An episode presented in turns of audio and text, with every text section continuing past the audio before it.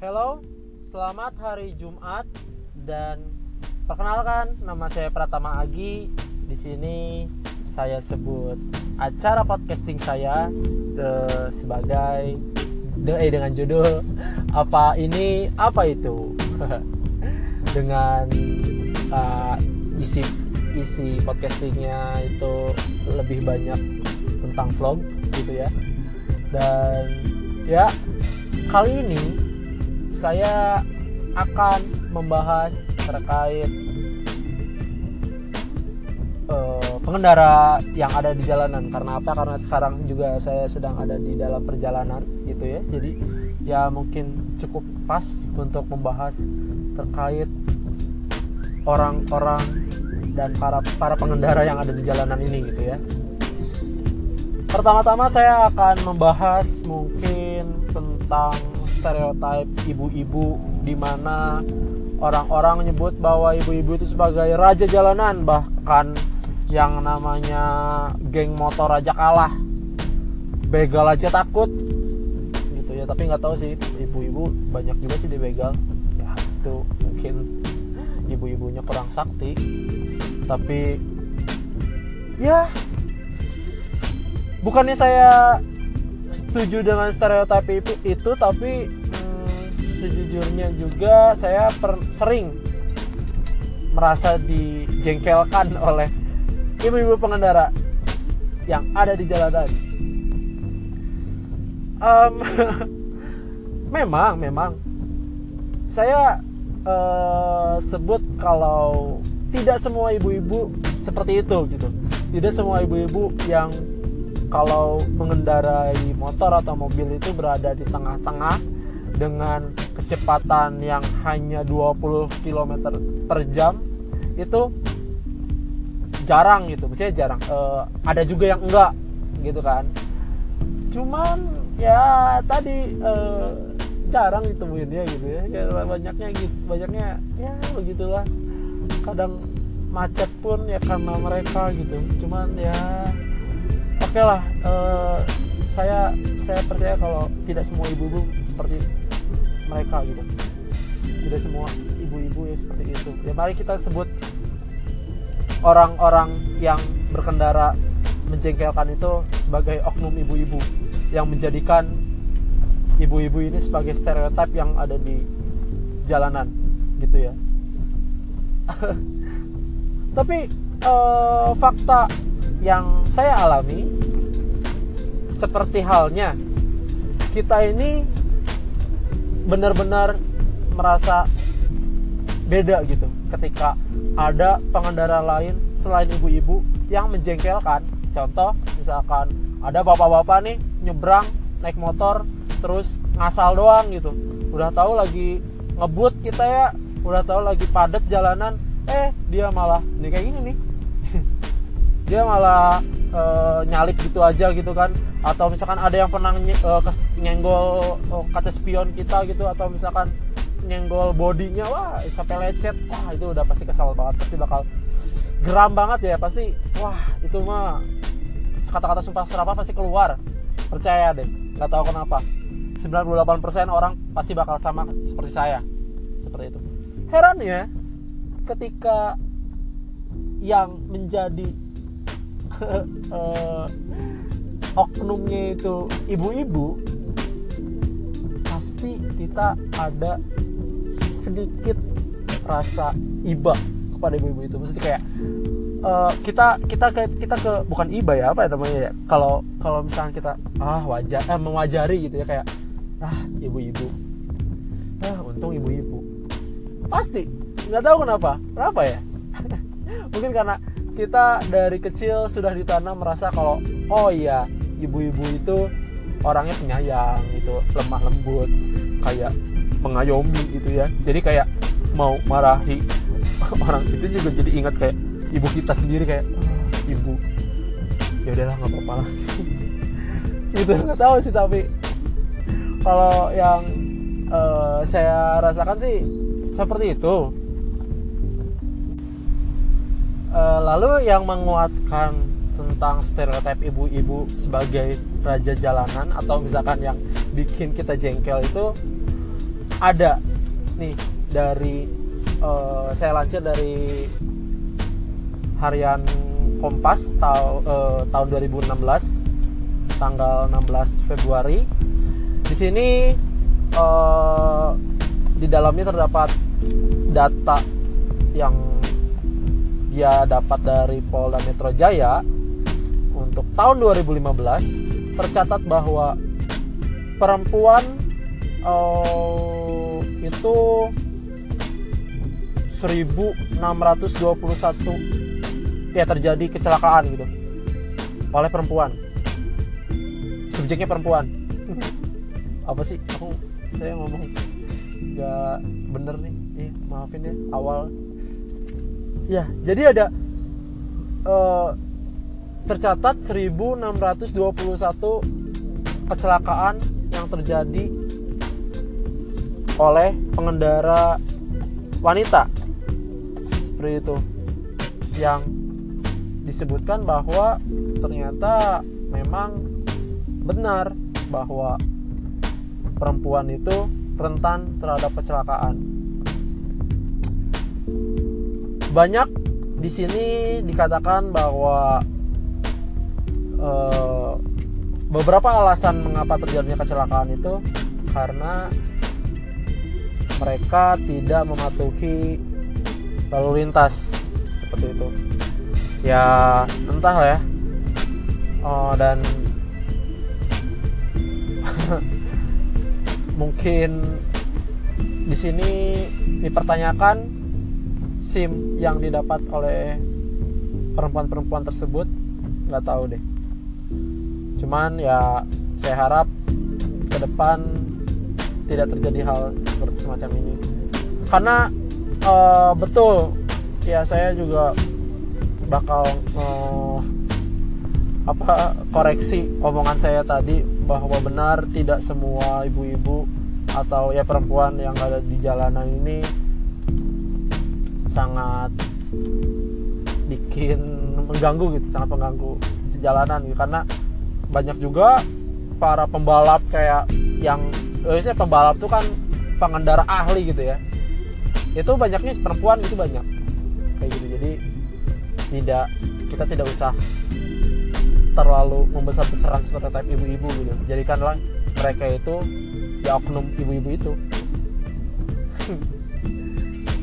maka dari itu saya himbau untuk teman-teman semua tetaplah patuhi lalu lintas dan teruslah uh, menjadi salah satu apa namanya salah satu pejuang safe drive agar kalian tidak merugikan orang lain karena kalau misalnya kecelakaan bukan hanya kalian saja yang rugi tapi orang lain juga kena rugi. Kayak gitu. Weh gila banget ya udah cocok banget jadi polisi. Ya. Um, oke okay. selanjutnya kita bakal bahas apa ya? Hmm, kali ini tuh banyak terjadi. Ya kemarin juga kalau untuk di jalanan kalau kriminalitas ya udah jelas lah ya. Makanya teman-teman jangan sampai pulang terlalu larut karena begal atau kriminalitas itu terjadi ya di saat waktu yang benar-benar tepat gitu. Waktu yang tepat itu ya ketika ada kesempatan. Kapan kesempatannya? Ya pada saat tempatnya sepi tidak ada saksi yang melihat. Ya makanya. Jadi makanya itu malam itu merupakan salah satu waktu yang krusial dan banyak terjadi kriminalitas. Makanya pulang habis maghrib tuh pulang gitu ya. Sholat jakat naik haji. Apa sih? Ya seperti itu dan yang paling terpenting itu karena uh, sekarang sekarang lagi rame ini ya yang apa si gerakan celup itu tuh. Apa sih yang cekret eh, cekrek upload cel, cekrek cekret oh cekrek upload lapor. Eh cekrek cekrek lap, lapor upload. Apa sih ya itulah pokoknya? Yang nggak tahu sih mungkin tujuan mereka baik melakukan hal tersebut. Cuman nggak tahu kenapa saya tidak begitu setuju dengan gerakan celup ini. Karena apa? Karena di sini kita diajarkan untuk bersuuzon ria gitu ya. Ya ya kan kita nggak tahu uh, tidak semua orang-orang yang ada misalkan di tempat-tempat yang gelap misalkan di tempat-tempat yang dianggap mencurigakan itu mereka bakal melakukan hal-hal yang tidak diinginkan gitu. Ya mungkin aja mereka berdua sedang kerja kelompok cuman gerah akhirnya mereka buka jaket tapi nggak buka baju. Ya nggak tahu deh. Ya jangan sampai sujon lah gitu.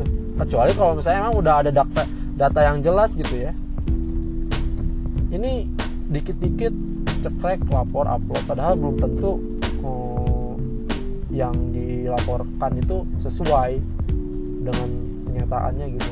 Akhirnya bikin resah lagi warga. Ya nggak sih? Gitu. Dan akan menjadi semakin banyak uh, main hakim sendiri itu akan semakin banyak gitu.